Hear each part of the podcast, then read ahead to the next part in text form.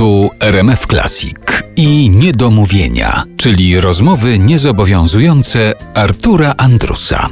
Anna Maria Jopek jest Państwa gościem w Niedomówieniach w RMF Classic. No i teraz przejdźmy do pretekstu, bo mamy pewien pretekst Tak. w tym spotkaniu. To jest płyta Ulotne, Anna Maria Jopek i Branford Marsalis. Ta płyta już się ukazała.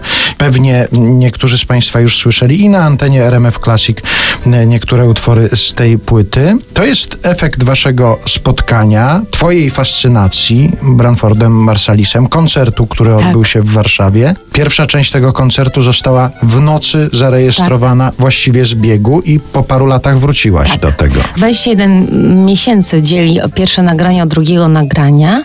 Także najpierw była seria koncertów z Branfordem. Nawet nie jeden koncert, tylko kilka koncertów, gdzie on mnie poprosił o to właśnie. Dobrze, że o tym mówiliśmy chwilę temu. Branforda bardzo fascynuje polska muzyka. Musiałam zrobić dla niego też taki research. Bardzo mnie poprosił, wyślij mi swoje ukochane tematy muzyczne. Wysłałam mu nawet Góreckiego i Lutosławskiego i Panównika. On zachwycił się. I wtedy właśnie po koncertach, już właściwie w przededniu ostatniego, Branford mówi do mnie, wiesz, to trzeba by było nagrać. I cudem okazało się, że jest taka możliwość, że Tadzio Mieczkowski, mistrz dźwięku, ma wolne ten wieczór, że to się udało i po tamtym nagraniu, które odsłuchałam dopiero parę miesięcy później, bo byłam jeszcze w trasie w Australii i we Włoszech i robiłam jeszcze jeden projekt, odsłuchałam to nagranie i powiedziałam sobie, Boże, musimy to wydać na płycie, koniecznie trzeba go namówić, żeby to się udało i musimy dopisać drugą część tej historii, bo to jest zupełnie inna historia niż to, co było na scenie. To w ogóle się stało, jakby równanie energetyczne tego materiału było tak inne, no, że dopisałam. Tu jest wiele odniesień, zresztą to nie jest pierwszy przypadek, kiedy w Twojej twórczości, na Twoich płytach są odniesienia do polskiej muzyki ludowej. Powiedziałaś, że on. Gdzieś w jakimś wywiadzie usłyszałem, że on powiedział, że on chce grać Tak. po słowiańsku, Tak. że on chce Tak, grać tak. słowiańską muzykę. A ma on, Twoim zdaniem, w sobie coś słowiańskiego? Tak. Wiesz, co on ma w sobie? Że on słucha. Jest, natychmiast jest z tobą.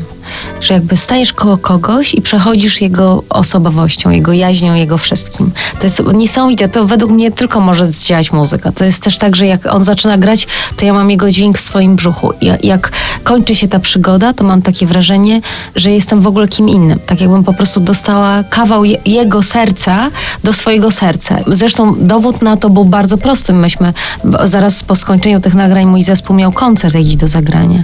Ja sobie uświadomiłam na scenie, że my wszyscy gramy 15 długości dalej. To jest tak, że po prostu tak się sobą przechodzi w tej, w tej grze, dlatego też ludzie tak kochają się spotykać w muzyce. Branford, jak chwilę z nami pobył, to z atomami grał muzykę góralską, jakby z Tatr chłopak. W ogóle po prostu sobie myślisz, toż to góral, nasz chłopak, nasz Branford. A jeżeli chodzi o język, nauczyliście go czegoś po polsku? Ja domyślam się, że koledzy muzycy mogli go kilku wyrazów nauczyć, takich, których może nie możemy zacytować A teraz. wiesz, że nie, bo oni Nie? go nie uczyli, bo wie, powiem ci, że on jest bardzo przyzwoity, ten Branford. No ale jakby go nauczyli takiego wyrazu, którego nie rozumie, to mógłby być przyzwoity i tak by go używał, bo by nie wiedział, co mówi, prawda? Nie, wiesz co, że on jednak taki respekt ten Branford budzi, musisz Mhm. to wiedzieć. Taki on jest big brother. Nikt by chyba nie śmiał go wkręcać w jakieś takie Mhm. numery, to niestety moi koledzy robili innym biednym gościom z zagranicy, że uczyli ich jakichś fraz po prostu kompletnie absurdalnych i oni potem właściwie ryzykowali tym, że mogli dostać jeszcze od kogoś po twarzy. No, no, naprawdę jak, jak, jak próbowali tym błysnąć w, w salonach, także no... Albo wychodzili na scenę i wydawało im się, że mówią, że macie tutaj ładny ratusz. Nie, ale pamiętam jak nauczyli to Mohiro Fukuhara, takiego poczciwego flecistę z teatru Kabuki, jak robiłam projekt haiku, to oni go wyuczyli takiej frazy, którą on wam recytował do mnie, kiedy wchodziliśmy na scenę i mnie zamurowało.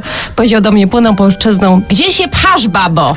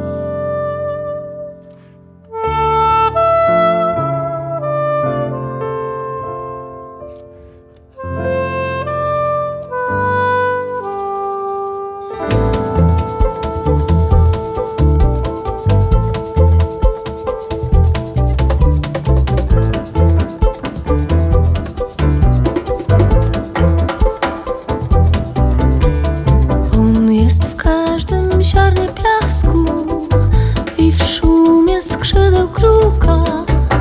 Nie pytaj, a tylko patrz i słuchaj, patrz i słuchaj. Jest w każdej smudze światła i w deszczu, gdy posłucha.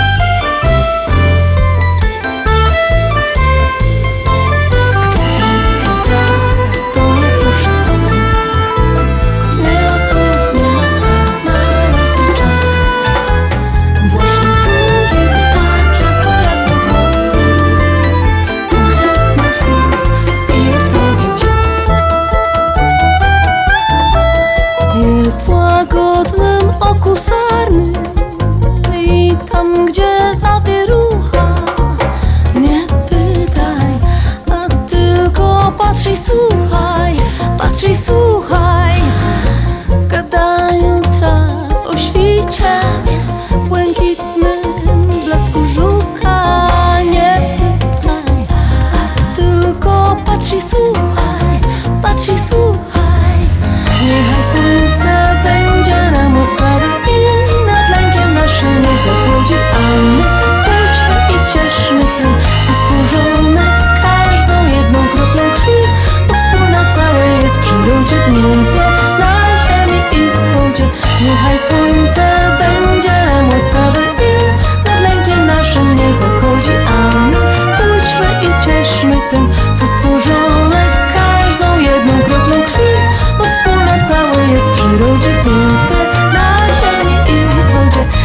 słońce będzie nam łaskawe i nad lękiem naszym nie zuchwa.